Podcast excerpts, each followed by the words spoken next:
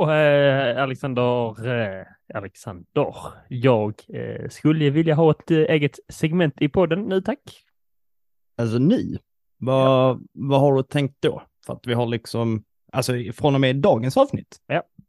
Men vi har ju redan full, fullsmäckat. Men vad, vad tänker du först och främst? Det, det spelar ingen roll i stunden här, men jag vill bara ha det ja eller nej. Ja, men då, då får jag nog säga nej här, som lite så här eh, Ah, redaktör. jag och- visste det. och- Du är så jävla kass. Eh, det finns det bara en sak att göra. Jag får väl komma hem till dig och döda alla dina grannar i ditt eh, sånt eh, hyreshus. Och det är nog det enda rimliga. Vänta, va? Så, är, du, är, du, är, du, är du seriös? Det är jätteorimligt. Jag tycker de eh, går hand i hand. Eh, Öga för öga, tand för tand. eh, pod- Poddsegment för granne. Och nu sa du nej till flera veckors poddsegment, så nu blir det flera grannar som får dö. Eh, Det är det du säger ja till nu. Så du är ansvarig för det. Det är ju jättemånga liv att ha på sitt samvete, Teo. Du förstår väl att det här är jättekorkat? Ge mig segmentet då. Te- Teo, nu när jag kollar ut genom mitt fönster så ser har, har, du red, har du redan dödat grannarna utifall att jag skulle säga nej? Ja, men för Eh. helvete. ja, då får du väl ha ditt segment nu har du redan... Ja. Bra, då börjar jag direkt. Och mitt första moment är att jag, eh, jag vill förespråka kärlek på jorden och eh, slut på allt våld. Det är vänta, min vänta. grej. Det är hela min grej faktiskt. Vänta. Har du dödat alltså fler, fler liksom så typ tusen människor för att få ett segment och sen börjar du... Vil, vilken hycklare du är.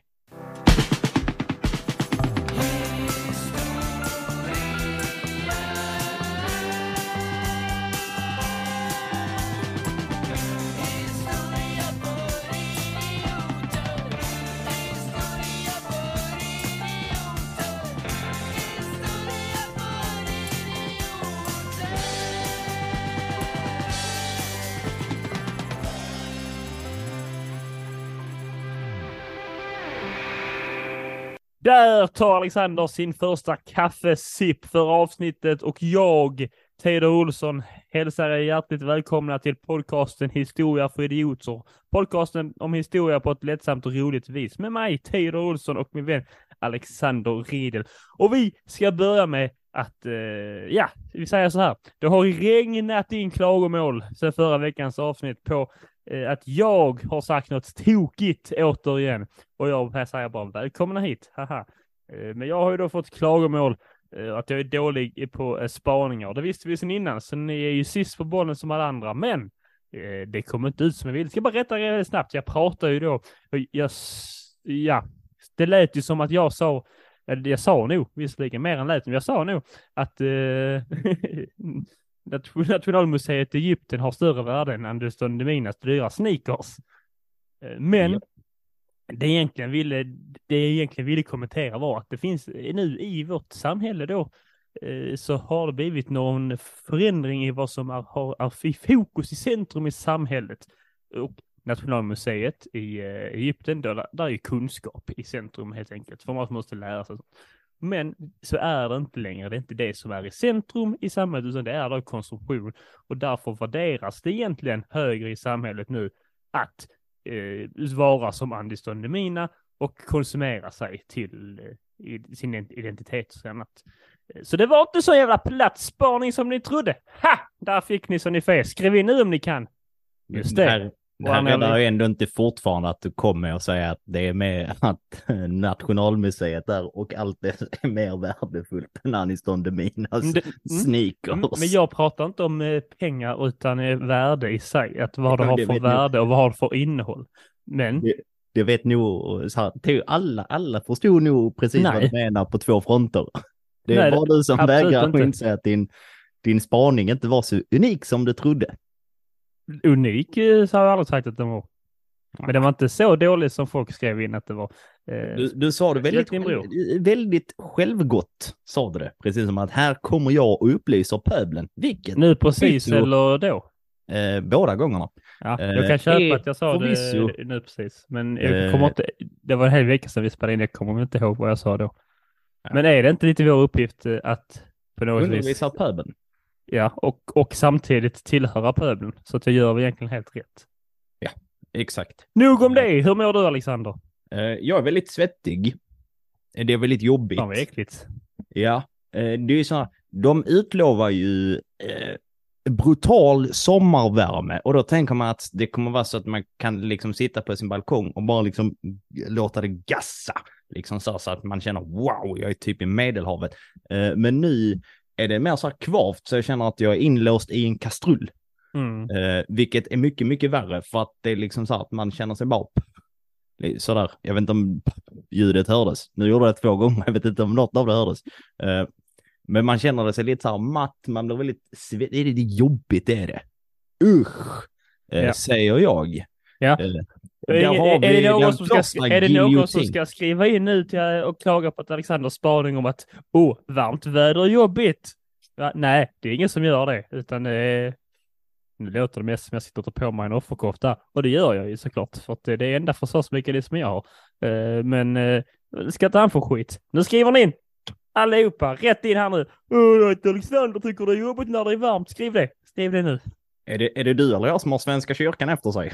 Det, jag, har, jag har redan retat upp pöbeln. Ja, för de, det märks ju Nu inte. kommer de igen. Där fick de. hur, Ja. hur mår du, eh, Gnellus Maximus eh, Offerkoftus? Jo, jag mår faktiskt bra. Detta, jag, jag bryr mig inte så mycket. Jag bara tänker jag gnäller lite extra för komisk effekt. Det är inte ofta jag gör det, en gång i månaden. Annars gnäller jag oftast för att jag är en gnälleröv. Eh, Ja, det, det, det får man ge dig. ja, men det, det är en egenskap som inte många känner till, förutom de som är väldigt nära mig. Att det gnäller är det jag gör bäst, eh, så att säga. Eh, och utöver det så mår jag väl bra. Har du hört, jag vet inte om du märkt det, men det är väldigt varmt ute va? Och Nej, jag- Märkte det. det känns som man är i en kastrull här. Och det är inte äckligt. Vilken typ av kastrull? Eh, en sån med två öron. Eh. Nej, en sån Mm. krusett heter de så, som man långkok. Ja. Sån känns det som. Känns som jag är Ja. långkokt. Jag känner mig långkokt, gör jag. Ja. Ett annat ställe där det är väldigt varmt eh, i. Det är ett ställe jag tror förstått att vi ska besöka idag i eh, dagens avsnitt. Jaså du? Mm. Kan du gissa vilket det är? Du som har skrivit avsnittet. Nej, jag har ingen aning. Nej, nej. Det blir jobbigt. Jag skulle tro att det är Indien, va? För dit ska vi bege oss. Ja, och då, det, det ska vi. Men eh, för de som kanske inte lyssnar på föregående avsnitt, så innan vi hoppar ner i Indien, eller störtar med ett plan ner i Indien, wink wink nudge nudge, eh, så just nu när det är lite sommar, som ni säkert har märkt, eh, så har vi en liten så här Indiana Jones-grej på gång, där vi eh, Eh, kommer kika på filmerna. Vi har redan sett eh, den första. Det kan vi lyssna på i avsnittet som är släppt innan detta, eh, som har ett coolt namn, tror jag. Jag kan det inte i huvudet. Och idag så kommer vi prata om den andra Indiana Jones-filmen som heter Indiana Jones och det fördömdas tempel. Och den utspelar sig i Indien, så därför är avsnittet upplagt att först så kommer vi prata lite om eh, någon historia som är inriktad på Indien och sen avslutar vi med en liten, liten recension av filmen. Så är alla med på noterna här, så behöver man inte känna Åh nej, vad är det som händer nu? Ah! Jag tror inte att någon skulle reagera så av att de inte riktigt förstår vad som händer i ett poddavsnitt. Men för dig som kanske eh, kände sådär, var så god. Tycker den kan lämna. Vad sa du? Jag tycker den kan lämna den som känner sig så. Ja, om man fortfarande känner så, då kan man lämna. Det, det här är liksom för idioter, inte för totala liksom eh, dumnötter. Nej. Eh, Känner du dig träffad nu så v- varför är du kvar? så, nu har vi, nu har vi nog- bara de som identifierar sig som idioter. Eh, härligt. Är det din bror då som är kvar nu? Jupp. Mm. Hej, Eh. hej, hej Viktor. Vad, eh, nu ska du få en liten Ja, utmaning Theo. Du nej. brukar ju, eh, Ja, jag gillar ju inte alls utmaningar. Jag vill bara att saker ska komma till mig och jag ska, jag ska, jag vill använda mitt privilegium som vit man så mycket som möjligt så jag bara inte behöver göra något jobbigt alls. eh, du brukar ju hitta på lite spännande lekar när du Mhm. rattar avsnitten. Ja, Eh, så då har jag hittat på en, eh, en spännande lek till dig. ja men detta uppskattar jag. Wow, vad kul. Och eh, den är väldigt eh, fri i form av regler. Det är att du ska få nämna en indisk eh, historisk person som inte är Gandhi. Ah! Nej! Åh, oh, herregud. Här skulle man ju vilja ha några S i rockarmen och kasta ur, uh, ur sig. med det... Uh, ja, Malala. Är hon indisk? Nej, jag vet inte. Det kan vara highly racist of me detta, men uh, ja, det, det, kän, det kan vara från Ja, nej. Mm, ja, nu kan det, nu kan jag, nu googlar vi intensivt här. Pakistan, ja. det var väldigt eh, så, mm, nu blev hon icke glad. Nej, nej hon, har, hon, har varit, hon har varit med om värre, så det är lugnt. Uh, ja, uh, tanken med den här väldigt elaka leken, det var så här, för nu när vi har det här upplägget så vill man ju ändå försöka hitta någon liten uh, spännande vinkel på det hela. Så att man inte bara, vilket vi förvisso just nu gör, men det är för att förklara oss lite. Det är att ofta, och det har vi pratat om förr när vi pratar om eh, lite så asiatisk och eh, asiatisk historia, att eh, vi vet inte så mycket om det. Oftast när man pratar om det så är det så här, oh, mystiskt, eh, liksom så här, och väldigt exotiskt. Och då eh, hittar jag personen vi ska prata om idag eh, var en eh, Indiens första liksom, riktiga kejsare eh, som hette Ashoka. Och när jag eh, läste på om det här Eh, så var det så här, det här är vilt främmande för mig. Så jag kände att men det, då blir det nog en bra inriktning när man ska prata om Indien. För det blir inte så, eh, vad heter det, mystiserande som att Indien är ett liksom så här magiskt land långt, långt eh, där borta som vi inte vet någonting om. Utan det blir lite, för, förstår du min tanke här Theo? Ja, vad det, precis. Man vet ju inte. Jag undrar om jag känner någon som kan nämna mer, alltså någon annan än eh, Gandhi då. Från Indien. Jag vet precis. inte. Jag, jag, tror inte, jag kan inte komma på något. Min pappa kan sånt. Du borde nästan ringa honom och fråga efter avsnittet och se vad ja. man kan. Malala! uh, så att där, där får vi valt att slå oss ner här så får vi lite om... Ja, men det, det ska bli riktigt spännande. Uh, kul att vi bereder ut oss lite i världen här nu återigen och får besöka Asien. Ja. Det var ett tag sedan. Vi har gjort lite Japan har vi gjort va? Det är väl eh, så långt Asien vi har kommit. Ja, vi har, uh, Persiska riket har vi också pratat om. Ja, det har du rätt i. Uh, vi har också pratat. Ja, ja, det är inte så jättemycket. Men nu är vi där igen. Woo! Spännande. Kör vi. Uh, Indiens första kejsare. Uh, när Ashoka, uh, inte för att blanda ihop med Star Wars-karaktären som snart får en uh, tv-serie som också heter Ashoka, utan det här är en riktig person. Eh, eller var en riktig person, eh, levde mellan 304 till 232 före Kristus och anses vara en av de främsta kejsarna någonsin. What? Och ändå har vi inte hört någonting om detta, Teo. Vad fan? Är det vi eller är det samhället det är fel på? Uh, alltså, Både och kanske. Vi har väl en eh, förmåga att söka information själv, men det är så mycket information som kommer. Vad ska man välja?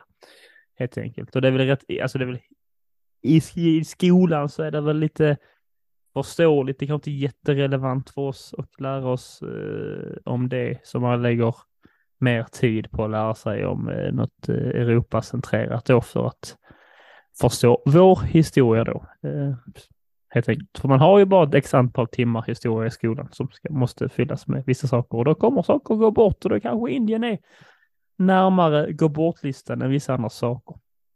Det, det, låter, eh, det låter som en rimlig analys. Och nu när vi är utomeuropeiskt så kommer ju detta ännu en gång i den här poddens hyfsat långa historia vid det här laget också innehålla det som vi kallar för total slakt av eh, namn. Ja, för det, men... det händer ju bara utanför Europa, inte alls i Frankrike eller liknande länder. Du kan ju heller inte bara ljuga med dina franska uttal. Uh, hans far uh, var kung Bindusara. Och hör här vilken taskig han var. Han var inte nöjd vid Ashokas födelse, utan han ansåg att Ashoka var ett mycket fult barn. What?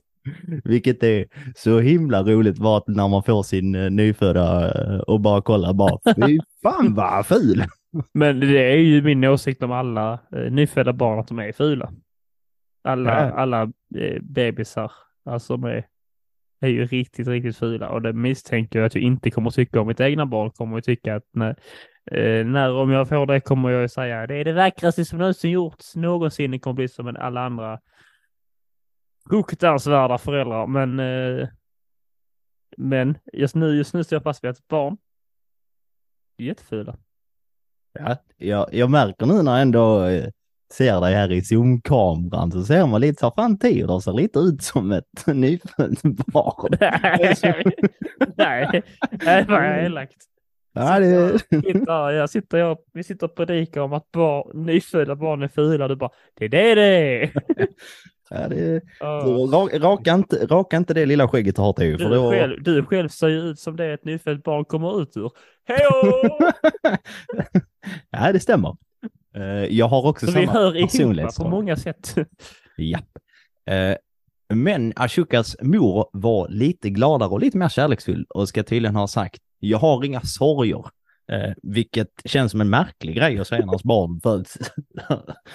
Konstigt meningsutbyte. Titta på Fan vad ful unge. Jag har inga sorger. Wah! Titta på Eh. ungen bara. Jag tänker inte. Jag tänker inte vad det säger detta. Och där ett av då eh, orden som hon då ska ha använt var då liksom Ashoka som då ska betyda eh, gudarnas älskling. Vilket är ett eh, fint litet namn. Ja. Men för att vi ska förstå lite hans gärning och hur allting går till, för att när vi pratar om Indien 300 före Kristus så är det inte riktigt, alltså det är inte samma Indien eh, som det är idag rent liksom geografiskt. Utan det börjar som ett litet, litet land eh, som regerades av kung Chandragupta. Exakt så det uttalas. Eh, som då Här var kan jag ju inte rätta dig på uttal för jag, jag har ju ingen aning heller. Chandragupta låter ändå ganska rimligt. Det känns rimligt ja. eh, som då var Ashokas farfar. Eh, och han hade en speciell eh, taktik som det beskrivs som han gjorde sig känd för, vilket jag känner så här, var det inte så här man alltid gjorde när man erövrade?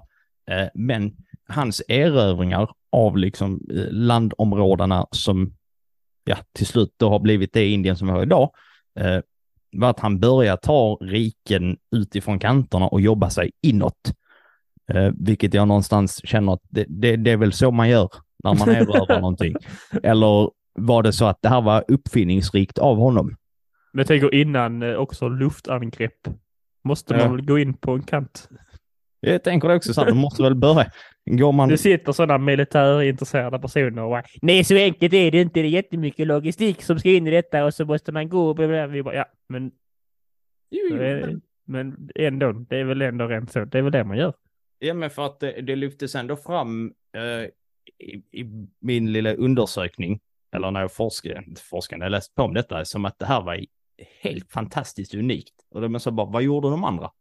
Alltså så här, gick de in i grän, alltså så här, innanför gränserna och sen så lät de vissa städer och byar typ vara innan de började.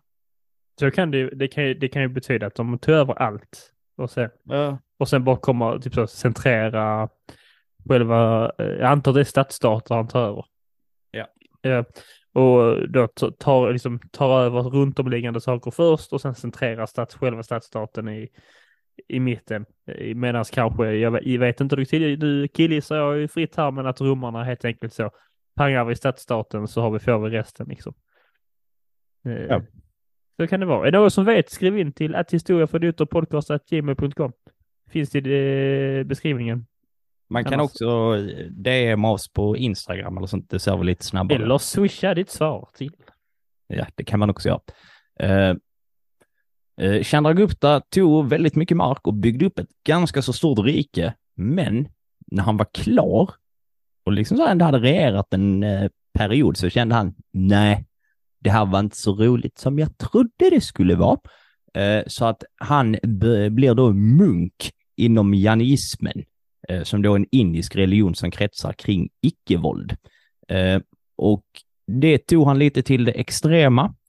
Eh, så att han dog ändå hyfsat tidigt som jag förstår det, eh, till form av svält efter att han mediterade och vägrade äta, eh, vilket känns lite smålustigt. Jag vet inte varför, men det är så här, det, det, så här, man får inte skratta åt andras olyckor eller död, men å andra sidan, har de, har de så här, det, är inte too tusen soon. år? Det är Nej, inte too exakt. soon. Det, det finns en gräns på ungefär sådär tusen år, då kan man börja. 2000 år är till Har du, bara för att datera detta avsnittet så in i helvete, har du läst det här om den lilla ubåten med miljardärer som Mm. ska eh, titta på Titanic-vraket? Ja, Som nu liksom så här, i, samtidigt, det, det kan vara löst eller så här, förmodligen är det löst eller så har de dött eh, vid tiden som ni har detta avsnittet. Eh, men eh, för er som inte vet, en liten ubåt eh, med miljardärer åkte ner till Titanic-vraket för att titta och sen så gick eh, saker fel. Så att nu flyter den bara typ omkring där nere och de kan inte riktigt ta sig eh, vidare. Alltså så här, de är fast nere på botten. Eh, vilket också så här, typ, om de dör där nere så är det så här, det är lite puts, alltså så här, det är inte roligt när folk dör, men det är också lite liksom så här, det är inte lite kul när det är det, självförvållat på det sådana där vis. är too soon. Too soon. Ja, men det är, ibland måste man vara först på bollen. Just det. Ibland Det måste man vara först på Det är sant. Det kommer inte dröja länge innan någon stand-up-komiker eh, eller våra algoritmer som består mycket av sta- eh, dåliga stand-up-komiker. eh, De kommer ju, eh, det kommer ju fyllas av eh, skämt om det, så att säga. Eh, det kommer jag göra. Eh, däremot, eh, Chandraguptas eh, son, eh, Bindusara, blir ju då kung efteråt. Eh, men han börjar ju aldrig gilla sin eh, fula son Ashoka. alltså det, det är så himla, jag, så här, jag undrar vad det kretsar kring. Det, eh, det här att han inte gillar sin son, om det är så att det börjar från födseln, att han bara tycker att hans eget barn är så fruktansvärt fult så han aldrig riktigt kan empati, få någon Kan inte sympati. titta på barnet liksom. Ja, men tydligt så här väldigt bristande förhållande. Eh, till slut så dör ju kung Bindusara också.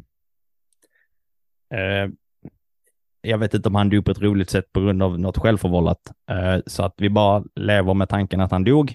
Eh, det är ingen jättesvår tanke att få in. Eh, men då blir det en liten kamp om tronen, för att även om det fula barnet eh, liksom så här ändå är en som jag har tolkat det, bland de förstfödda, så hade han inte riktigt liksom bara dags att sätta arslet på den här tronen, utan han var tvungen att döda sex stycken av eh, sina egna bröder eh, för att liksom ta Oj. makten själv. Vilket jag känner så här, grovt. Eh, och lite så här, det, är ändå många, alltså så här, nu har, du har också bara ett syskon, men det är så här, alltså sex syskon. Men hur många hade jag innan jag sitter på den här tronen? Jag fick en liten tvåa i hör. Undrar man hur fan fick jag tag på den? Ja. ja. Köpte Ja. han på Myrornas. Det låter lite som eh, lite som Fula Ankungen story, förutom att jag vet inte hur många den dödar, men eh, Och på tal om att den här, den här fula kejsaren, ehm, han ska också ha bränt ihjäl 500 kvinnor i sitt liksom harem för att en av kvinnorna kallar honom för ful. Vilket får mig att tänka så här, hur vansinnigt, alltså så här, var han ens jätteful? Lite faderkomplex kanske också. Men eh, lite känsligt för honom. Man skulle vilja ha eh, att det Men visste de andra om det tror du? När, när hon kallar honom för ful. Det, det, det är liksom, Alltså Ja. är det allmänt känt att han är liksom den fule i landet? det är tydligen. Det verkar ju, det, det är det jag inte vet. Det, det känns inte som att de tryckte upp tidningar och rit samma kolla hur ful han är. Eller så var Ja. han bara ful som man inte kunde Ja. låta bli att säga det.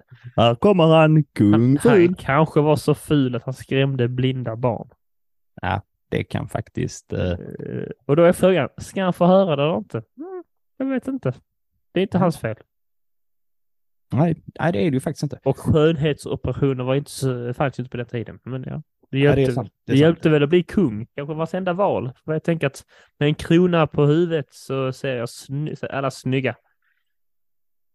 Det är sant, det är sant. Mycket bra poäng. Eh, under sin första tid vid eh, makten, kan du gissa vad Ashoka gör då? Han, han dödar någon. Han dödar många. Eh, han drar igång massa krig för att utvidga riket. Woo! Woohoo! Eh, när han över, eh, där var ett område på Indiens östkust som hette Kalinga som han tyckte var ett, eh, ett hot. Eh, så då, eh, då dödade han ungefär 100 000 människor och typ 150 000 skickar man norrut som slavarbete. eller som slavar. Fräscht.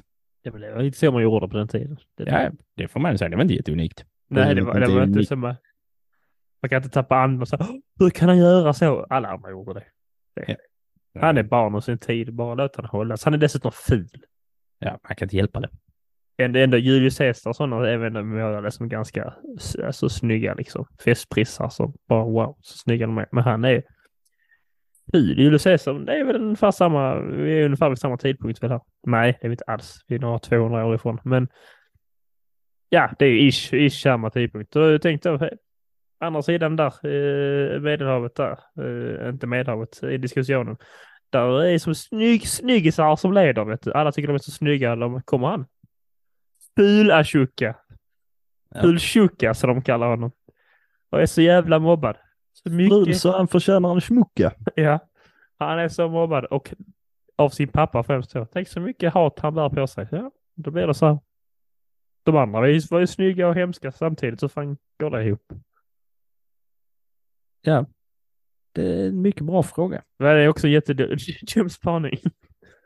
Att det är, det är värre att vara snygg och, snygg och uh, und, för då har man det är i alla fall någonting med sig. Men är man ful och und, det är lite förståeligt. Ja, man fattar det. Man köper det på ett annat sätt. Eh, Efter alla erövringar och expansioner och framförallt krig så kommer historiens typ absolut största twist någonsin. Ashoka blir snygg. What? Han, han blir en eh, snäll pojke. Vet? B- Bara sådär. Hur, hur tror du han blir en snäll pojke? Uh, säg nu inte genom goda gärningar, för det är ganska uppenbart. Jag Alltså, skulle gissa det är på kärlek. Man blir kär i någon som säger Ashoka, du är inte ful. Skönhet kommer inifrån. Ashoka. Ja. Eh, hyfsat eh, bra poäng. Eh, men det, jag skulle säga, det är framförallt inifrån som han blir snäll, eh, vilket är oftast där det brukar komma från. Eh, men han eh, kommenterar, eller kommenterar väl kanske inte riktigt, men han blir en troende buddhist. Ah. Och ganska eh, ett, eh, extrem på det negativa sättet, men väldigt, väldigt troende. Och han vill införa buddhism i liksom hela riket. Eh, och detta för att skapa en samhörighet mellan liksom alla klaner och folk och språk och kulturer som liksom lever i Indien. Eh, för att som ni vet, Låter smart. det här är liksom 300 före Kristus. Det är liksom bara för att man tillhör ett och samma rike så är man liksom inte per automatik ett enat liksom folk på det viset. Ehm, Så därför vill han använda buddhismen eh, som en gemensam pelare, Eh, liksom för att skapa lite mer samhörighet och för att kunna stoppa våld. För att om de ändå delar en sån stor eh, eh vad heter det, pelare Eh, det, om de delar det så kommer de nu inte börja bråka med varandra. Vilket man får säga, det är ändå bra tänkt. Eller? Ja, det är väl smart. Eh, sen är det lite så här, hur jävla snällt eh, är det i efterhand? Nu har, nu har vi tagit över alla era ställen så ska vi tvinga er att tro på en sak så att vi kan vara gemensamt här. Och Ja, men vi hade rätt bra innan, när vi var grannar bara. Nej. Det är som jag skulle åka till dina grannar här, slå in alla väggar och säga nu, detta är allas lägenhet. Alexander bor överallt här nu. Eh, Så är det bara. Men vi trivs bara innan. Nej. Tråkigt. Nu går ni alla här och tror på buddhism tillsammans. Liknelsen har absolut inga brister. Nej, det är koppling till intro-sketchen bara, tänkte jag. Men, Eh, Ja. ja, ja. Eh, det, efter det så har buddhistiska eh, munkar liksom delat in Ashokas liv i två perioder. Den onde och den gode och sen så den gemensamma, den fule. Därför så kan man inte riktigt lita på de här eh, uppgifterna om till exempel de här 500 inbrända kvinnorna. Eh, för att de här buddhistiska munkarna ville gärna visa liksom hur grym och elak Mm. och rälig han var innan han tog till sig buddhismen. Vilket gör att det är liksom väldigt oklart om han, eh, för att han beskrivs som att vara totalt helt orimligt supervåldsam innan De, de buddhismen. vill ju lyfta buddhismens eh, förmåga att vända saker till det goda. De målar ju upp det likt eh, Apostlarna målar upp Jesus och så. Eh, Ja, precis. De kryddar eh, lite. De är ju så bra på kryddor i Indien va? Så de kryddar även där.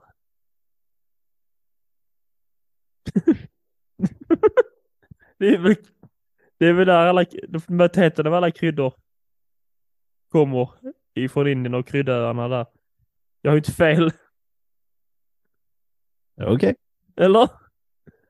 Är bra, det är bra att de har en uppgift i eh, Theodors eh, brittiska Nej. imperiet 2.0. Det är det har jag kry- inte kryddmänniskorna. Det har jag inte sagt att de har. Jag har inte kallat dem, jag sa bara att de är bra på kryddor. De har många, vi har salt och peppar och fick vitlök från Turkiet någon gång. Tror du inte vi? Jo. Jag har inte sagt De emot. bättre. Gör inte detta något konstigt nu. Nej. Lyssnare, eh, det är ni som är dummare i det här fallet. Jag sa som det är. Kryddor kom, kommer från Asien, delvis Indien. Och du sa, oh, kolla vilka kryddmänniskor de är. Du började med dina racist slurs. Nej, måla upp mig i dåligt dager. Det gör jag så bra själv. Slåt Ja, mig. så är det. Jag har inte sagt någonting. Jag bara sitter och hör vad som kommer härnäst ur Ja, hans elaka, exakt. elaka mun. sitter så tyst så jag, inte, jag måste fortsätta prata annars blir det dålig stämning. Så bara sitter du tyst och bara tittar på mig. Härskartekniker.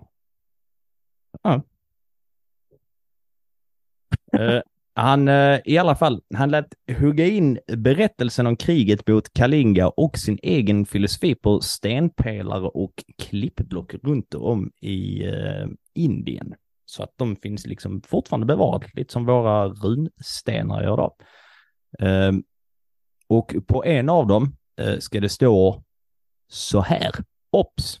Översatt till svenska. De har inte skrivit detta på svenska. Bara så att alla är med. Ifall den här imbecilen fortsatte att lyssna. Fast nu vi sa sluta. Eh, Efter att ha besegrat Kalinga så kände gudarnas älskling ånger.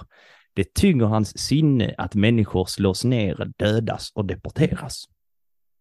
Ja, det får man säga. Ja, Eh, bra, bra på att skriva myten om sig själv. Eh, men vi får väl anta att han någonstans eh, talar sanning. I, så här, om det är han själv som har låtit upprätt, alltså sätta upp de här, och, för det har han förmodligen. Så får man väl anta att han nog säkert kände lite ånger efter hans nya lärdomar. Det här riket, kan du gissa om det var stort eller? Jag tror det var rätt stort faktiskt. Eh, det var dagens Indien samt Pakistan och Afghanistan och bestod av 50 miljoner invånare. Då hade jag nog lite, alltså så. Då hade Malala funnits då. Hade hon ju varit från Indien va? Ja. Ja, Ja. ja, slår vi inte ihop folkslag och folkslag typ. Nej, det, jag, ser, jag ser faktiskt inte människor i folkslag som vissa andra gör här i... Men du ser inte människor. Det vet vi, det, det vet vi. Du är så jävla människohatare. Eh, som folkslag sa jag faktiskt. Ja. Eh, när man ändå har ett sånt eh, administrativt helvete framför sig som att ta hand om 50 miljoner människor, eh, när man inte ens har internet eller liksom brevlådor, då har man ju egentligen två stycken val framför sig. Ska man göra som eh, farfar hade gjort och liksom försökt styra genom förtryck och elakheter? Eller ska man kanske vara lite snäll och ha lite liksom så här, respektera sin eh, pöbelsgrupp. Ja. Vad tror du Ashoka tänker? Men han har ju blivit snäll nu så det blir respekt för pöben helt enkelt. Ja. Han eh, propagerade för lydnad. Och eh, ska ha bland annat sagt liksom att fader och moder måste åtlydas och respekt för alla levande varelser måste iakttas. Eh, talar sanning. Lärare måste vördas av sina elever. Eh, Ja, och det- tillbörlig respekt måste visas släktingar. Eh, har då den här Ashoka sagt mer eller mindre. Wow. Ja, det får man ändå säga. Bra manifest på gång, va? Ja, jag tror det är trevligt. Det låter som ett, det är trevligt att vara, lyssna på folk som kan saker och vara snäll. Jätte... Han sticker inte ut här riktigt, men det kommer inte hålla längden gissar jag på. Det gör det ju sällan.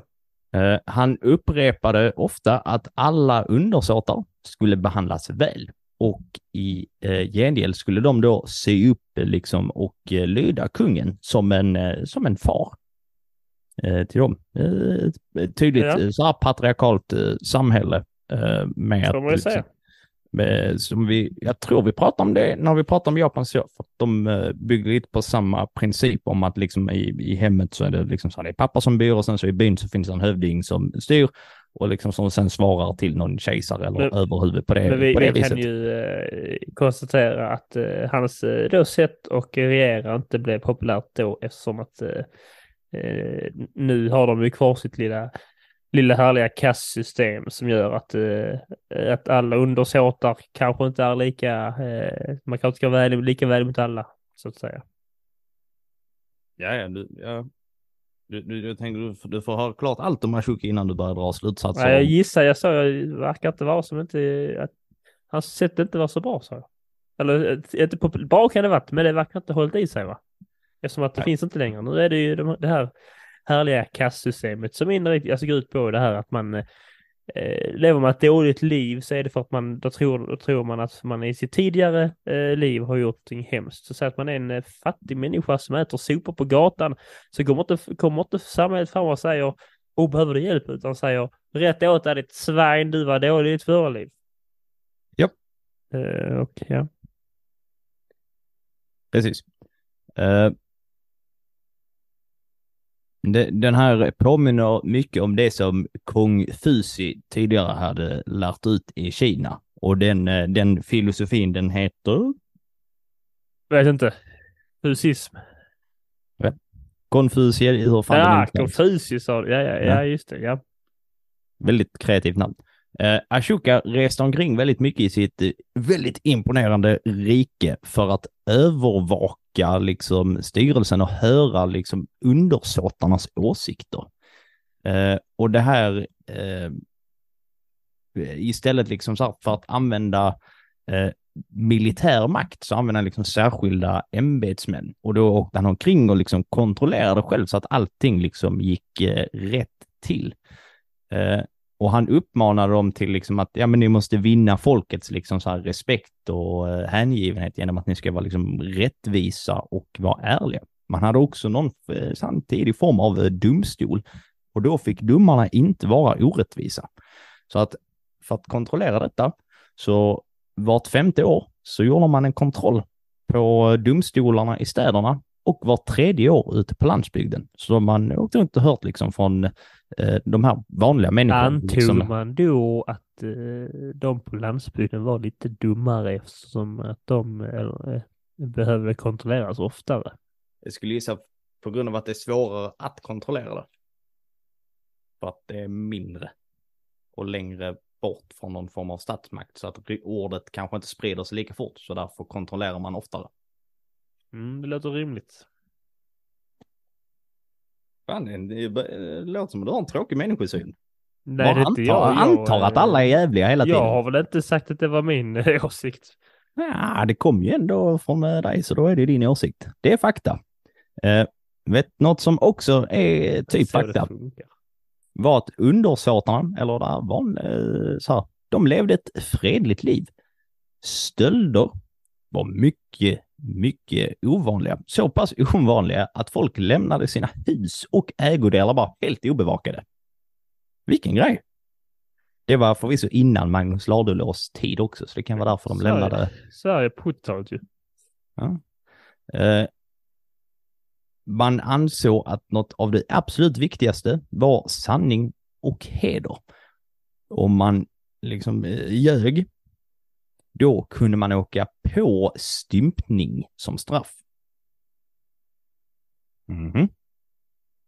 Och den, eh, så här, den som stympade en annan person, de misstänker om det är liksom så här, om man skulle göra det utan i form av själva straffsyftet, eh, dömdes till att mista samma kroppsdel och en hand. Mm. Och likadant, den som, det här känns lite överdrivet, de här jävla konstnärerna, de ska alltid ha så mycket fördelar. Men den som skadade en konstnär kunde dömas till döden. Det får man ändå säga av det som du eh, försökte försvara någon, någonstans i din eh, spaning från förra veckan. Eh, om det är så pass allvarligt att liksom skada en konstnär så får man anta att i det här samhället så hade man en väldigt positiv eh, syn på konst och kultur och den formen av utveckling. Vad har det med akademin att göra?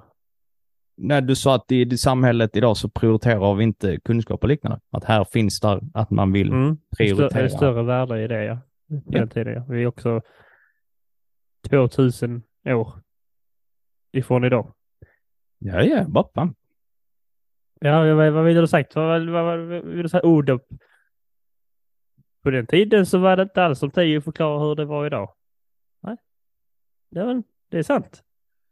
Ja, varför är du så sur då? Ja, du gick eh, på attack igen här va? Får man ändå Nej, ge dig. det. Får man- Så du får man ändå gå på där igen sa du och säga att eh, nej det är klart det är för då värderas ju eh, där, ja.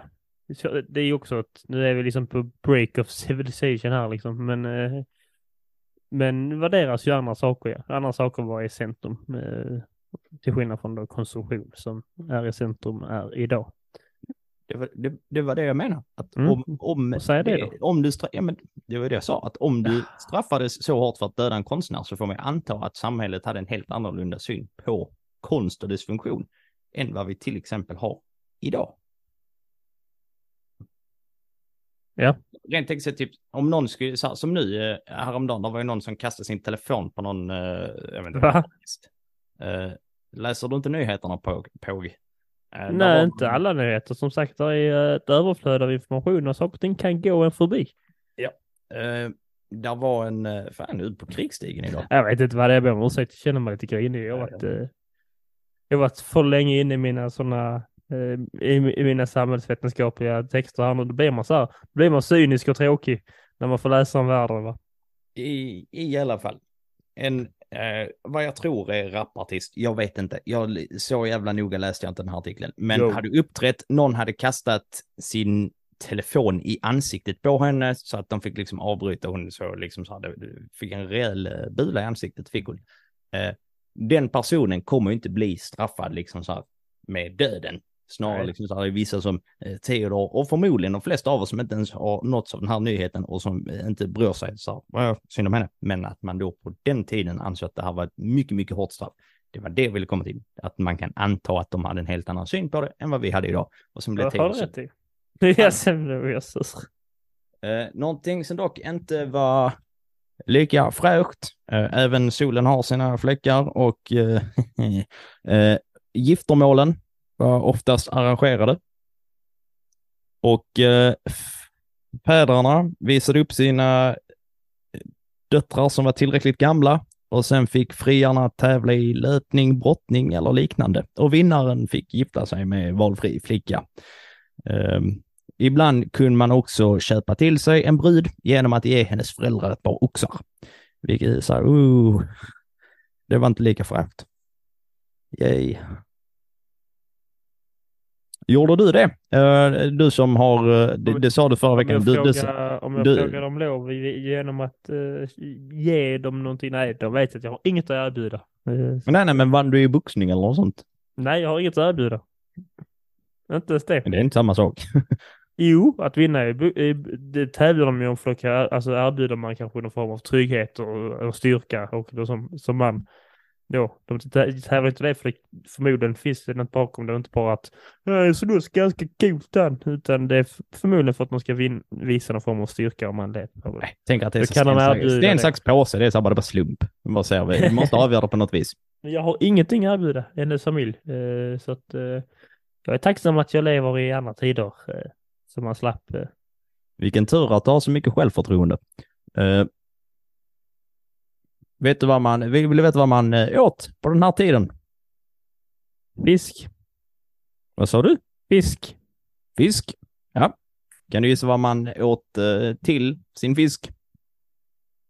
Mm, vad kan det vara för spännande man äter i Indien? Nu ska jag vara stereotypisk här. Eh, ja, nu, vad har vi för, ja, kan det vara ris? Ja, och grönsaker. Ja. Ja, vilket, vilket bra content vi har idag. Vi bara sitter i två minuter och säger Olle, så jävla dåligt. Fisk åt dem och så åt de lite ris och så grönsaker, ja. Så var det. Jag är nyss, pra- nyss, pra- Du är taskig. Nej, jag vet inte. Det är, nu är det så. Det, så här bru- brukar ju sommarspecialen bli. Vi är lite så halvdåsiga, lite så halvt. Det blir så här. Det, I alla fall, de rika, de åt ur guldste, guldskålar och visar sin rikedom Oj. genom att eh, bära eh, så här, eh, örhängen gjorda av eh, elfenben och deras kläder var sömmade med guldtråd och hade fina ädelstål. Au. Och hör här, eller kanske mer riktat till mig som har men ville man visa att man var en moderiktig man i uh, Ashokas Indien, då kunde man färga sitt skägg blått, rött, lila eller grönt. Hur gjorde man det? Med alla deras kryddor. Där kom det tillbaka igen ja. Jag hade rätt all along. Förmodligen något åt det hållet. Eh, man utvecklade också teknologi och eh, konsthantverk och i huvudstaden som Delhi. heter... Nej, det, Delhi? är nu. Jag, jag vill bara Nej, inte nu säga är det. det för- New Delhi. Pataliputra. Oh. Jag tyckte ändå att jag satte det där. Eh, Ja, ja, vi, vi, kan, vi kan inte rätta dig så att... eh, Där var palatsen så pass vackra att en kinesisk besökare, han totalt vägrade att tro på att det här var byggt av människor.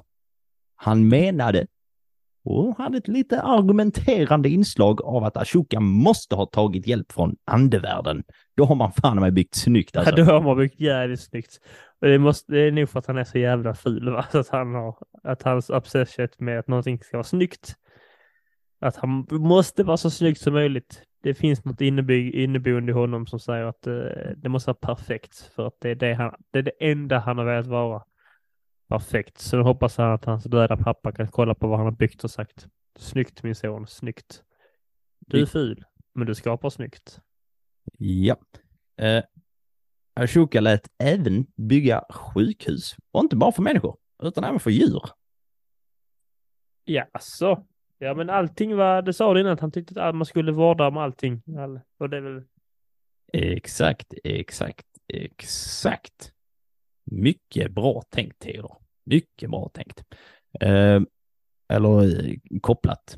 Eh, han spred också buddhismen utanför Indiens eh, gränser och gjorde det till en av världens liksom, största religioner, eh, vilket det är än idag. Och man anser att liksom väl, tack vare Ashokas insatser och liksom eh, det han la grunden för och sättet han regerade på och hur han spred buddhismen eh, har liksom lett till att den fortfarande har den statusen och storleken än idag. Så att hans eh, arv lever kvar. Det får man ändå eh, en liten, eh, liten applåd till honom. Bra, bra jobbat. Det är inte många som... är det hans arv eller är det då? Ja, det är ju själva buddhism, eh, det är buddhas, men någon måste ju fortfarande sprida, alltså, Ja. Det är sant.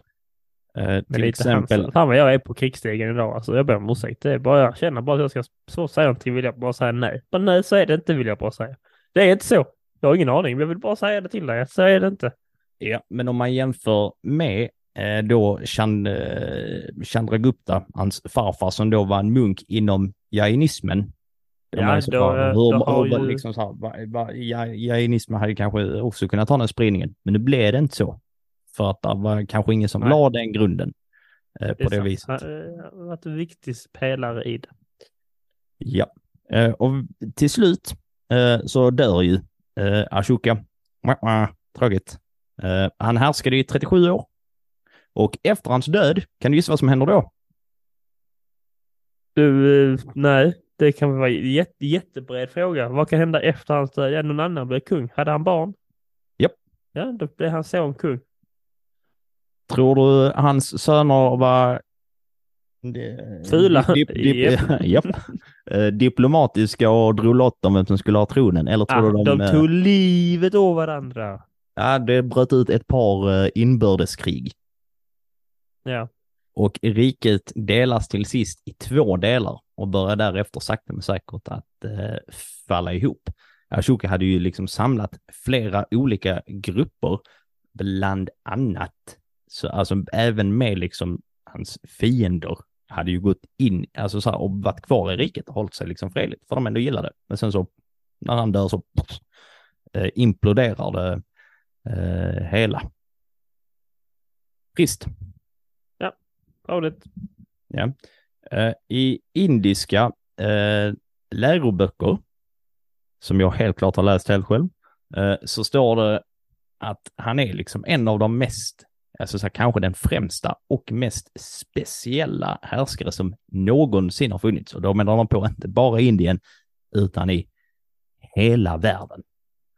Eh, och en annan grej som eh, tydligen finns kvar, eh, det är att kring de här pelarna som man eh, reste, de kröntes av fyra lejon som blickar ut över de fyra väderstrecken för att då liksom ehm, visa att buddhismen och Indien sträcker sig mot liksom hela, hela världen. Och under de här lejonen så finns väderstreckens väktare eh, som i väster en tjur eller oxe och i norr ett lejon och i öster en elefant och i söder en häst. Jaha. Eh, som då ska vara lite så för att han ville sprida buddhismen över hela världen. Eh, de här eh, fyra stycken lejonen eh, finns idag liksom i det indiska riksvapnet.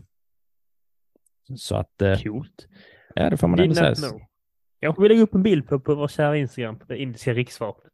Ja, så att nu, nu har vi ändå eh, lärt oss eh, om en av de första kejsarna och lite mer om Indiens eh, historia här. Ja. Eh, hur kändes det Theo? Känner du dig lite upplyst nu? ja, men det känns bra. Eh, Känner man lite.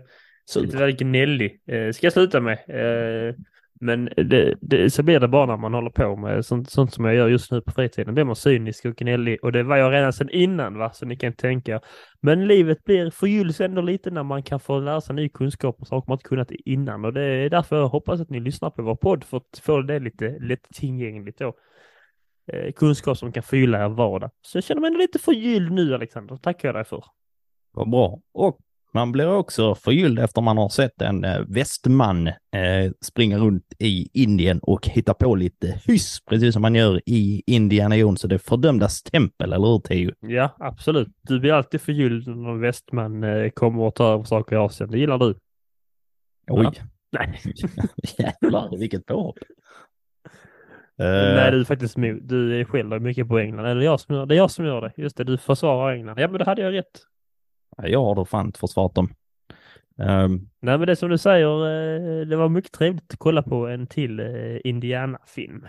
Ska, vi, ska du börja med att sammanfatta vad filmen handlar om innan du kommer in på dina roliga anteckningar? Så Ja, att, eh, de för de som inte har men- sett eh, filmen. Filmen då, eh, Indiana Jones och det fördömdes tempel som det heter, handlar ju då om, om eh, Indiana Jones som av en, egentligen av en slump eh, hamnar i Indien och i en liten by eh, och en by där det är lite eh, jobbigt för de här byborna på grund av en anledning då.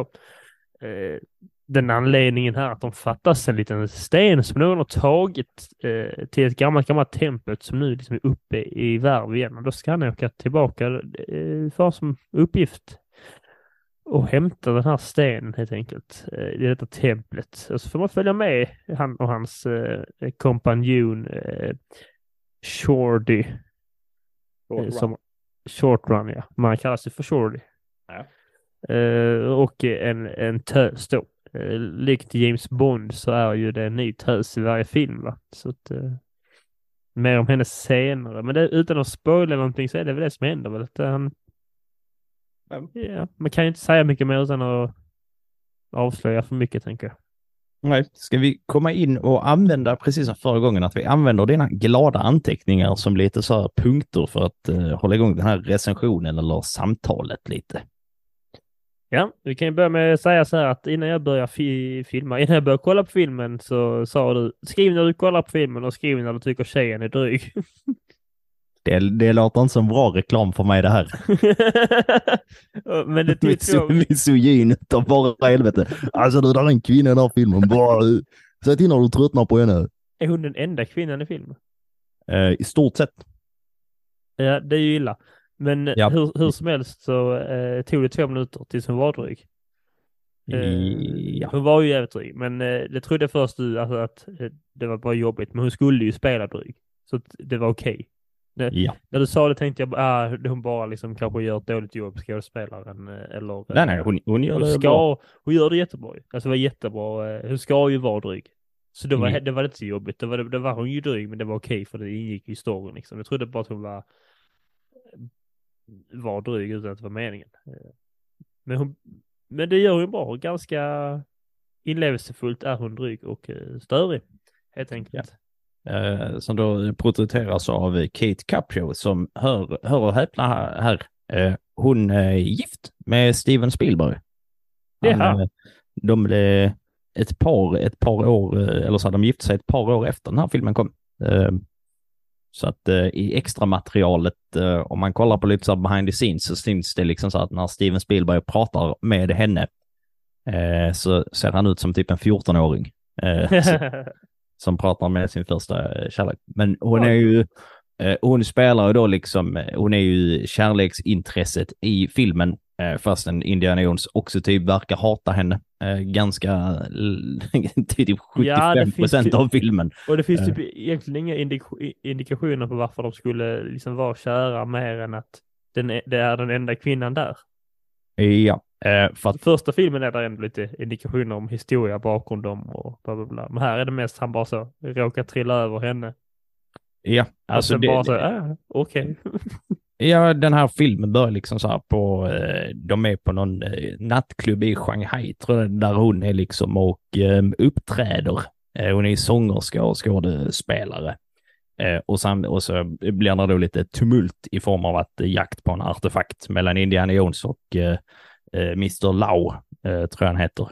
Eh, Mm. Så att hon råkar hamna med på hela den här resan av en, eh, av en slump och är lite så här Hollywood-diva och det mesta hon gör är typ klaga och skrika och typ misshandla elefanter eh, genom att hälla parfym på dem.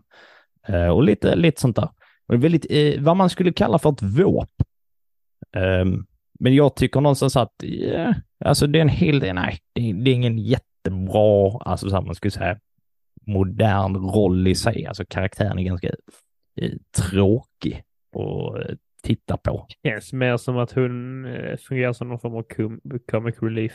Ja, ja, ja, precis. Bollplank liksom. Men, eh, Ja, eh, som väl kanske dras lite för långt. Eh, det blir också lite så här, jag, där, där är ju den här, eh, eller vi, ska vi gå vidare till nästa? Ja, vi gör, vi gör så här att det här visar oss, den här anteckningen visar ju på tecken direkt på vad det är för sorts film man kollar på då. Jag skrev att de första fem minuterna så har Indiana varit nära på att dö tolv gånger. Sa jag i målbrottsröst också, men tolv gånger. Det tar typ fem minuter överdrift, tolv gånger överdrift. Ni får se vad jag menar. Under kort tid, man kommer in i det direkt. Han är nära, alltså det är inte så att han bara så Nej, jag håller på att dö hela tiden. Det är till filmen går ut på att Indiana Jones är nära på att dö, men han gör inte det. Det är väldigt nära. Alltså, så, där är hur många gånger som helst där han typ dör, men klarar sig nätt Ja. Det är inte klokt. Eh, det är eh, faktiskt Så att nästan. eh, det ger kanske en, om man inte sett filmen, ger det en hum om vad det är för sorts film. Det är ständig spänning och action och sånt, men det är liksom inte överdrivet. Även om det är överdrivet. Jag vet inte, de sätter fingret på någonting. Mysigt är det. Alltså jag gillar hela de här, alltså från att de börjar på den här nattklubben med typ där det liksom direkt blir liksom, det öppnas med ett eh, sångnummer som då den här eh, kvinnliga karaktären Ja. som eh, sjunger, eh, som är typ helt bananas och liksom helt, på något vis orimligt, men det är så jävla bra. Eh, vi, vi kanske kan, eh, kan vi... jag, jag noterade också just det där sångnumret då att hon sjunger det på... Eh, Mandarin. Ja. Och så var det folk som såg ut att vara, hon är inte asiater, så var det folk som såg ut att vara asiater som dansade runt omkring henne. Mm. Men många av dem, de flesta var ju inte det. Utan som jag, som jag tyckte jag såg så var det vita kv- kvinnor som klädde ut sig till asiater. Det har jag faktiskt ingen aning om, jag kollar inte så Ja, vi kan ju kika på bakgrunds- det. Eh, Ta inte, ta inte ut ord för det, men det var lite den eh, tanken jag fick där. Eh, Kan ju, ja, kan man tycka om man vill om i dagens klimat va? Ja, det kan man göra. Eh, det kan man göra. Det kan man göra. Uh, tappar jag helt. Jo, uh, där är också den här fantastiska grejen där typ, man märker eh, ibland att uh, så, Indiana Jones är ett jävla psykfall som borde låsas in. För dels vilket jävla kill count han har. Eh, alltså så här, om man bara räknar med liksom första filmen, då är ju så här, det är okej för han dödar nazister. Eh, men här liksom när hans eh, ena medhjälpare blir liksom skjuten på den här baren så tar han liksom ett grillspett med liksom mat och eld på och bara kastar rätt i magen på en av de här fienderna och bara så här stone cold avrättar honom eh, på ett väldigt brutalt sätt, vilket man lite så här glömmer eftersom att det är väldigt så här mysig stämning och att han nätt och jämt dör hela tiden. Men sen ibland, och speciellt i den här filmen, så bara går han typ fullständigt psykfall och bara har ihjäl någon på väldigt grisiga vis. Eh, Vilket på något vis är lite charmigt, kan jag tycka. Kanske. Jag hade, jag hade helt glömt bort eh, den biten. Alltså för det här är den Indiana Jones-filmen som jag ser liksom, ja, det är väl väldigt länge sedan jag såg, såg den senast. Eh, bort från den här omtittningen. Så jag hade helt förträngt den här grejen. Så det var så bara när han tar upp det här grillspettet, jag bara, ska han, så vad ska han verkligen göra detta? Och sen bara, bump. det är så jävla taskigt. Eh, men, men, ja. vad, vad är nästa roliga anteckning då? Jag har skrivit pokerscenen, den är 5 plus. Jag vet inte om du vet vilken det är. Jag, jag vet exakt vilken det är. Ja. Det- Den har ett av mina eh, mest så citerade grejer från när vi spelar kortspel hemma. Var säger han. Så här, you shit Dr. Jones, no fun playing Dr. Jones. Det är ju den här eh, round, eh, Short run. short round heter han ja. Och eh, Indiana som sitter, short round är ett barn ska ju sägas.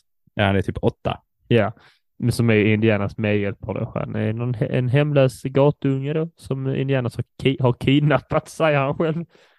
Japp. Eh, och eh, sitter de då i, i, i eh, Indien i djungeln där och eh, tältar över natten medan de går. Och så sitter de och spelar kort med eh, samtidigt som den här tjejen då eh, springer runt och panik för att olika djur hamnar på henne och hamnar i olyckor. Så händer det runt omkring så får man se hur de sitter och bråkar med varandra om att eh, du fuskar, du fuskar och så fuskar de båda två och så skrattar de och är bara vänner. Ja. Alltså det är verkligen en in, alltså verkligen genuin vänskap mellan den här åttaåringen och den här, var, kan vara 30, 30-åringen där. Som är så himla trevlig också. Innan, eh, så här, för det där är ändå, alltså så här, det är ändå typ 40 minuter in i filmen. Eh, Mm. Tänkte du, in, du tänka tanken innan så här, varför umgås, varför är en åttaåring som hänger med på hans äventyr? Nej, för det kändes bara, det kändes bara rimligt på något sätt. Jag hade inte tänkt på det, bara kändes som att ja, det är klart han har det med sig. Alltså, varför? Jag behöver Ja. inte veta varför de är vänner. De det känns, kändes bara rimligt. Ja, men det är som, eh, vad heter han? Uh, fan heter han? Doc Brown och, uh, fan, Martin McFly, ja. så heter han, Martin McFly. Från tillbaka till framtiden. Ja, ja. precis. Att det är så här, det, det är en konstig förhållande grej, men där förklaras det inte. Här förklaras det ändå efter en stund, vilket är att när man ser om den så är det så här, ja men just det, det är därför. Men jag Men tänkte vem rätt, som ser den första gången. I, i Tillbaka till framtiden när han bara dyker upp där bara letar, jag ska leta efter honom men så blir han sent till skolan och sånt. Men Ja. det finns det är ingen, nej det här förklaras ändå. För att ställer frågan. ja. Eh, vad, vad har du mer för roliga anteckningar? Jag har skrivit att man gillar innan, innan situationstecken trevliga bovar då när de väl kommer till det här palatset. Så Ja. kommer det fram en man som är så eh, premiärminister på det här palatset kallar han ju sig. Ja. Som är ju uppenbart bov, men han är så himla vänlig och jag vet inte, det tillför så mycket i, man vet ju om att ja, han är ett rötägg i detta, men han är så snäll. Det här, falskheten liksom, det tillför så mycket i en bov tycker jag, de, de blir mm, så mycket mer komplexa och trevligt. Eh, det är ju inom situationstecken såklart. Men man gillar att de är så för att man blir så här, ja, det är tråkigt när de bara är Ey, jag är dum-dum, jag gillar inte någonting. Ah." Som det Mm. kan vara mycket typ så i, i eh, nutida filmer. Sånt. Varför är han ond? Ja, han tycker man ska, alla ska dö, punkt liksom. Medan de här är lite mer. Jag, tyck, jag tycker nog nästan tvärtom. Alltså så här att i, i många av dagens filmer så ska det vara så här, åh, du ska förstå och liksom så här köpa tanken och du ska kunna relatera. Eh, Medan så här är det någonstans så här, för att jag fattar fort, alltså så att jag fattar fortfarande inte riktigt grejen som vad de här skurkarna vill. Alltså, jag, han, han som kommer där i början. Alltså han vill ju ha de här eh, de, de, Shankara-stenarna. Han vill ju ha typ Ja. alla fem för att bli jättemäktig. Men det förklaras inte riktigt vad han ska göra med all den här, utan han vill bara bli jättemäktig. Jo, det säger han. Fast samtidigt han jag tänker på. Ja, jag vet vem det är. Är han i början som är i kostym och glasögon? Är det han som också är den galna schamanen? i- Nej, nej, nej. Nej, jag tänkte väl. För den galna schamanen då. de vill ha de här stenarna då och han, han påstår att eh, Eh, när britterna kom dit och utrotade liksom hans eh, folk eh, så vill han nu bli så mäktig som möjligt med de här stenarna så ska han liksom utrota britterna. Han säger det i filmen och amerikanare, bla bla. Han ska liksom, det här folkslaget då ska få makten på det här magiska sättet och bli störst i världen och döda alla andra typ. Det är det han säger. Så det är det han vill. Ja, men, ja precis. Det, det är heller så att, oh. Men jag föredrar det, så här, för att det, ibland så behövs det inte mer av eh, en skurk. Och den där premiär, alltså han som är premiärministern, han coolar ju ganska snabbt. Ja, det visade jag. Jag vet inte hur. Jag också, jag såg det första gången nu typ. Eh, Varför var... han, han kommer ju in uh, när, uh, när Indiana Jones har blivit så här förhäxad eller vad man ska kalla det. Mm. Då och Short Round, har, har, du, har du med, jag kanske avslöjar en av dina anteckningar, men har du med att Indiana Jones bara nitar ett barn? Nej, men det var är... så inne i filmen så jag antecknar inte, men han gör det. Men det är, han är under eh, Ja, men, men ändå. Alltså det, det, det är liksom någonstans vad gäller hur, så här, idag, eh, dagens USA, det är väldigt grovt att ändå se filmens hjälte bara nita sin kompanjon. Fast short, jo, det är sant, fast Short Round är ju inte... Han, han är ju inte mycket som, alltså rent hur, hur han beter sig är han inte som en åttaåring. Det som Nej, men det, vi har fortfarande, alltså fatta att sälja in det typ idag liksom, eh, om man tar en superhjältefilm, hon bara okej, okay. och sen så kommer Captain America, så kommer han bara slå en åttaåring i ansiktet. Mitt på liksom så här. Ja, det hade varit, ja det är sant. Men om man hade varit Även om han då är liksom und så är det ju liksom så här, det, det är ju sjukt uh, grovt. Eh, men i alla fall när han typ kommer ur det, så i den fighting-scenen så uh, slår de ju i den här premiären, det är han de slänger in under kugghjulet. Jaha. Helt missat. Men ja. nästa grej, om jag inte misstar mig nu, så är det här då för att i det här templet så är det också även en brittisk officer med där. Jag tror det är han. Detta skrivit upp för jag älskar hans namn. Kapten Blumbert. Ja, det Blumbert. Bra namn. Jättebra namn. Eh, sånt kan vi fylla eh, ens upplevelse också när de heter så. Han är, det måste vara intentional att man heter något sånt. Blumbert. Kapten Blumbert. Ja, det får man säga. Eh, det var inte mycket med det. Sen har jag även en, jag noterade textningen här i filmen då. Som du som svensklärare kan hjälpa mig. Kan man skriva intressantare? Det här grejen är intressantare än den andra. Det kan man inte va? Det, det, lå mer det låter fel, men jag tror du kan det. Ah, jag jag tycker så det här trött. är intressantare. Jag tror att man bör säga, så att rimligtvis bör man väl skriva att det är mer intressant.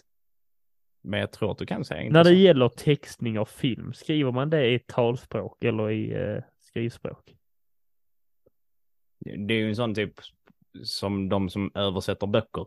Så du översätter inte orden rakt av, utan du får liksom så här tolka in vad författaren har menat. Så att jag tror väl att där säkert i den skolan eh, är också någon form av typ översätter du det liksom till skrift eller till talspråk. Men jag hade nog föredragit att de översätter talspråkligt Uh, inte att de skriver liksom typ dig med D-E-J, men att Nej, de men... översätter så, så att det låter som när någon pratar. För att då får man ändå med lite dynamik och personlighetsdrag. Ja, det, är, det är en eh, business man är nyfiken hur man kommer in i. Alltså hur man, för det finns ju tydligen sketa många sådana ju eh, textöversättare liksom. Ja. Eller textare. Hur, hur blir man en sån? Sara Alexander? Jag vet inte. Eh, jag tror att man utbildar sig till lingvist eh, och sen så kan man få jobb som du vill det. Jag känner, eller så att jag känner en person som jobbar med typ, bara liksom jobbar med att skriva undertexter till filmer och serier. Hur, hur gör den personen? Får den se en film och sitta och yep. skriver bara? Japp. Nice. Ja, ändå. Har du, har du fler Ja, det har en punkt till. Detta sker ju då under eh, vad som skulle då kunna bli eh, den enda eh, sexuella scenen i, eh, i filmen. Det, där är ju ingen sexscen alls faktiskt. Nej, det är bra. Alltså, det behövs inte. Nej, där är action nog så att säga, men där är eh, nästan egentligen från ingenstans så är de helt plötsligt helt kåta på varandra. Eh, Willy och Indiana, det som Willy som tjejen heter. Lite som, de går runt och typ så, eh, du vet tonårskära. gått Ja. och snackat skit om varandra. Bara, Åh, du är så, du är så, oh, och så är de egentligen kära typ. Så du menar att Ashoka och hans pappa hade en... Men, och så står de där och hånglar i hennes rum och så eh, säger hon typ någonting så, ja men jag, eh, eh, du kanske blir överraskad och då kommer filmens bästa citat. Nothing surprised me, surprises me, I'm a scientist. Ja. Det är, Ja, det är det är jättebra citat. Jag kommer inte ihåg sam, alltså hon menar att ja, hon kan överraska honom i sänghalmen eller hon vet inte om hon Ja, har. jo, det, det, Ja. Han bara, du, inget överraskar mig. Du. Jag är vetenskapsman, jag har testat allt. Ja. Eh, ja, det är bra. Jag vet inte om det är ett fint sätt att säga att han ligger runt. Jag vet inte, men Ja, men det gör han. Eh, re... så, reagerar du inte över middagsscenen? jo, det är klart jag gjorde, men jag vet inte. Jag hade inget roligt att skriva ner om det. Ja, det, det, det är ju ändå... Nu tror jag... Eh, det var nog fan bortklippt. Eh, annars, jag vet inte hur jag skulle missat annars. Men de blev serverade liksom aphjärna. Det var inte bortklippt. Nej, Okej, ja, då var det nog bara att jag skrev till dig eller någonting eh, samtidigt. De, blev, de serverade eh, frozen monkey brain som efterrätt, ja. Ja. Eh, Och så lite sjukt att de tänker sig att det är det de gör i Indien, amerikanerna. Att, att, att de tänker sig, oh efterrätt i Indien, ja inte, oh först är det förrätt, det är massa ormar och sen är det alltså massa skit liksom. Och så tänker de, ja det, så är det nog i Indien. Tänker Ja. Spielberg och eh, George Lucas. Och bara, ja men så är det nog i Indien. Vad har de för efterrätt? Då har de Ja. glass i Indien tror jag. de, de, Och så, hade, Nej nej, de har frusen aphjärna har de. de hade ju tydligen alltså någon så här eh, konsulter Eh, som då var liksom så här eh, britter eller jänkare eh, som då var Indien-experter som gav liksom råd. Eh, och jag det så här, den där scenen är bara jättekonstig. Alltså, den, den är ganska rolig, men ju mer man tänker på det, desto konstigare är det. Också att där är ju liksom en indisk man som bara glufsar i sig, typ häller i sig ormar. Och så tänker man liksom, när denna kom 84, så här, om vi i, idag inte har världens bästa koll på liksom, vi har givit mycket mer insyn eh, och koll. Men om man tänker så här, där måste ändå ha funnits, alltså folk som var typ gamla och så den här. Och som inte har lärt sig eh, liksom om Indien. Så här, där måste ha funnits en hel del människor som bara, ah, det är så de gör i Indien. ja, de måste ha tänkt det ja. Så gör de i Indien. Så- Men det är ju inte, det är inte skaparens ansvar att ta, alltså så. Nej, nej, nej, nej. det. Det är en ganska, alltså så att jag tycker scenen är ganska rolig eh, överlag. Eh, men den typ bästa scenen som jag kände nu, nu när jag såg den, där man var så bara, fy fan vad detta är nice. Alltså, en annan grej som du inte alls har tagit upp i dina anteckningar, vilket är helt sjukt. Där, bara från ingenstans i filmen så dyker upp barnslaveri. Du, du reagerar inte alls, du bara, det här, det här är rimligt. Var det från ingen, nej, det är inte från ingenstans i filmen. Det berättar de ju i den första byn de kommer till att de måste tagit våra barn för vårt barn. Våra Nej, barn de säger bara att barnen är borta, de säger inte till vad. Ja, då fattade jag det. Uh, Ja, själv. Jag tror de säger det. I slutet av uh, filmen, i tredje akten, eh, så bara visar det sig att de här, eh, det här lilla gänget, de har ju då liksom, de, eh, ja, barn som är liksom tio och neråt liksom. Det är ändå små barn Mm, det det. som de då har i en gruva och går runt liksom fastkedjade och hugger. Och man ser de här skurkarna ge barnen stryk. Alltså det är inte så här Ja. underförstått att de, utan man ser det klart och tydligt att de liksom eh, piskar dem och sånt i, vilket är, om man ändå tänker att det här är en glad äventyrsfilm från 80-talet, så är det ändå lite så här, det är sinnessjukt mörkt. Det är det faktiskt. Eh, så här på ett helt, nej, jag tänkte det så här när jag såg det, och då visste jag ändå vad som skulle komma, att jag bara, det här är väldigt mörkt. Eh, men det blir liksom så här, det blir väldigt eh, coolt, eller, inte- inte- med barnarbete, det är inte coolt. det blir jävligt kul när man ser det faktiskt, tycker jag också. Eh, när Indiana Jones kan. och framförallt då när lille Short Round eh, räddar dem, alltså hela den biten, slutbiten, eh, sista Ja, just 50 det. minuterna, tycker jag är så jävla nice. Är som uppe när de äntligen får hångla lite, Willy och Indy. Och alla barn springer fram och springer! Som Ja, jag väntat på detta! Woo! Alltså när jag satt där i grottan och tänkte, får jag någonsin se mina liksom, eh, familjen? Så jag tänkte, alltså de två jävla amerikanerna som springer omkring här. Hoppas de får hångla i alla fall. Och så fick de det. Herregud. Ja, det är faktiskt ganska, jag tänkte också det så bara, det här är ganska varför, sjukt. reagerar, jag bara, varför reagerar de så? Tänkte jag, men ja. Ehm, Ja, Ja, men, det var väl det, det var väl det med den filmen va? Eh, Får jag ge mig ett, ge, ge mig, ska få ge mig själv ett betyg och se filmen? ja, di- ditt betyg är underkänt idag för ditt tråkiga humör den Jag tänkte, jag tänkte säga det att jag får i alla fall ett plus eh, av fem. Eh, kunde varit värre med andra ord. Eh, och eh, filmen får fyra plus. Ettan är bättre, skulle jag säga. En gång till. Filmen får fyra plus, ettan är bättre. Ja, men det är ändå bra. Jag, jag blev positivt eh, överraskad. Jag minns den här filmen som väldigt mycket sämre än vad den var. Men jag, jag, jag är inte lika snäll med det. Jag skulle nu säga en 3 plus liksom. Så här. Det, är en, det är en bra actionfilm. Eh, bra äventyr. Går i ett jävla tempo. Och sen, eh, den höjs fan av eh, den där slutscenen när de jagar varandra i sån här, eh, vad heter det? Eh, I alltså bergsvagnar, gruvvagnar. I ett Ja, det är coolt. När de åker omkring och skjuter coolt. på varandra. Det är så jävla nice. Det är så himla roligt. Ja, det är kul. Men jag eh, hade också sett tre plus, men i short, i shortly round. Short run. Short round, ja, han höjer det. Ja, speciellt när han bara, eh, fan vi måste avrunda för det här blir ett jävla långt avsnitt. Men vad var din reaktion när den här lilla åttaåringen bara typ sparkar ner och slår ner typ fyra, fem stycken vuxna på rad? Ja, det, var det jag räknade med det bara. Han var så. Ja. Han är ju inte åtta egentligen. Han är ju en liten... Han har Oh. levt ett hårt liv vilket gör att han eh, beter sig äldre och kan mer. Ja. Ja, nu är det dags att knyta ihop den här lilla... Nu ska jag återgå till mitt hårda liv så jag kommer tillbaka ännu mer gnällig och cynisk i nästa avsnitt när jag fått sett Indiana Jones 3. Men under tiden när ni lyssnar på detta, där sitter jag ju på Mallorca och eh, dricker groggar och eh, förhoppningsvis, eh, förmodligen inte, men förhoppningsvis eh, skriver på mitt examensarbete eller läser. Eh, men eh, så när ni lyssnar på detta får ni tänka, oh, han har det så bra nu, nu är han inte gnällig längre. Men tji får ni näst, nästa vecka när jag är tillbaka med eh, lite mer gnäll om Indiana Jones och något historiskt påhitt. Eller främst mot Alexander. Det är helt okej med Eh, mig. är man, orkar man, alltså så, känner man att oh, jag vill ha lite mer gnäll så kan man gå in på våra historia för idioter på Instagram och eh, se eh, när vi lägger ut eh, om avsnitten kanske jag skriver, skriver någonting gnälligt där om ni är sugna på det.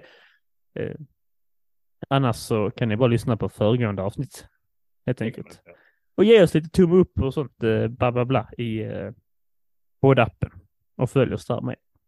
Det tycker jag att ni ska göra. Det vill ni inte missa. Och vi avslutar det här med, dem, med poddens lilla devis. Tack för att ni lyssnat. Kul att vara lyssnade. Kom ihåg att all historia är värd att snacka som och tramsa som. Och nu ska jag Theo spela en rejäl bangly banger för er på vägen. Hej, hej. Hej, hej. Anything goes. 一望一路就查苦家美好情愫是耍了风眼一刀一刀。Anything goes。疯狂是热血一点到头，bien va ouais pas bien ouais到。梦我总知道，都是会nous coucher。各自我随飞，我龙井劳动，我从红色的风一定。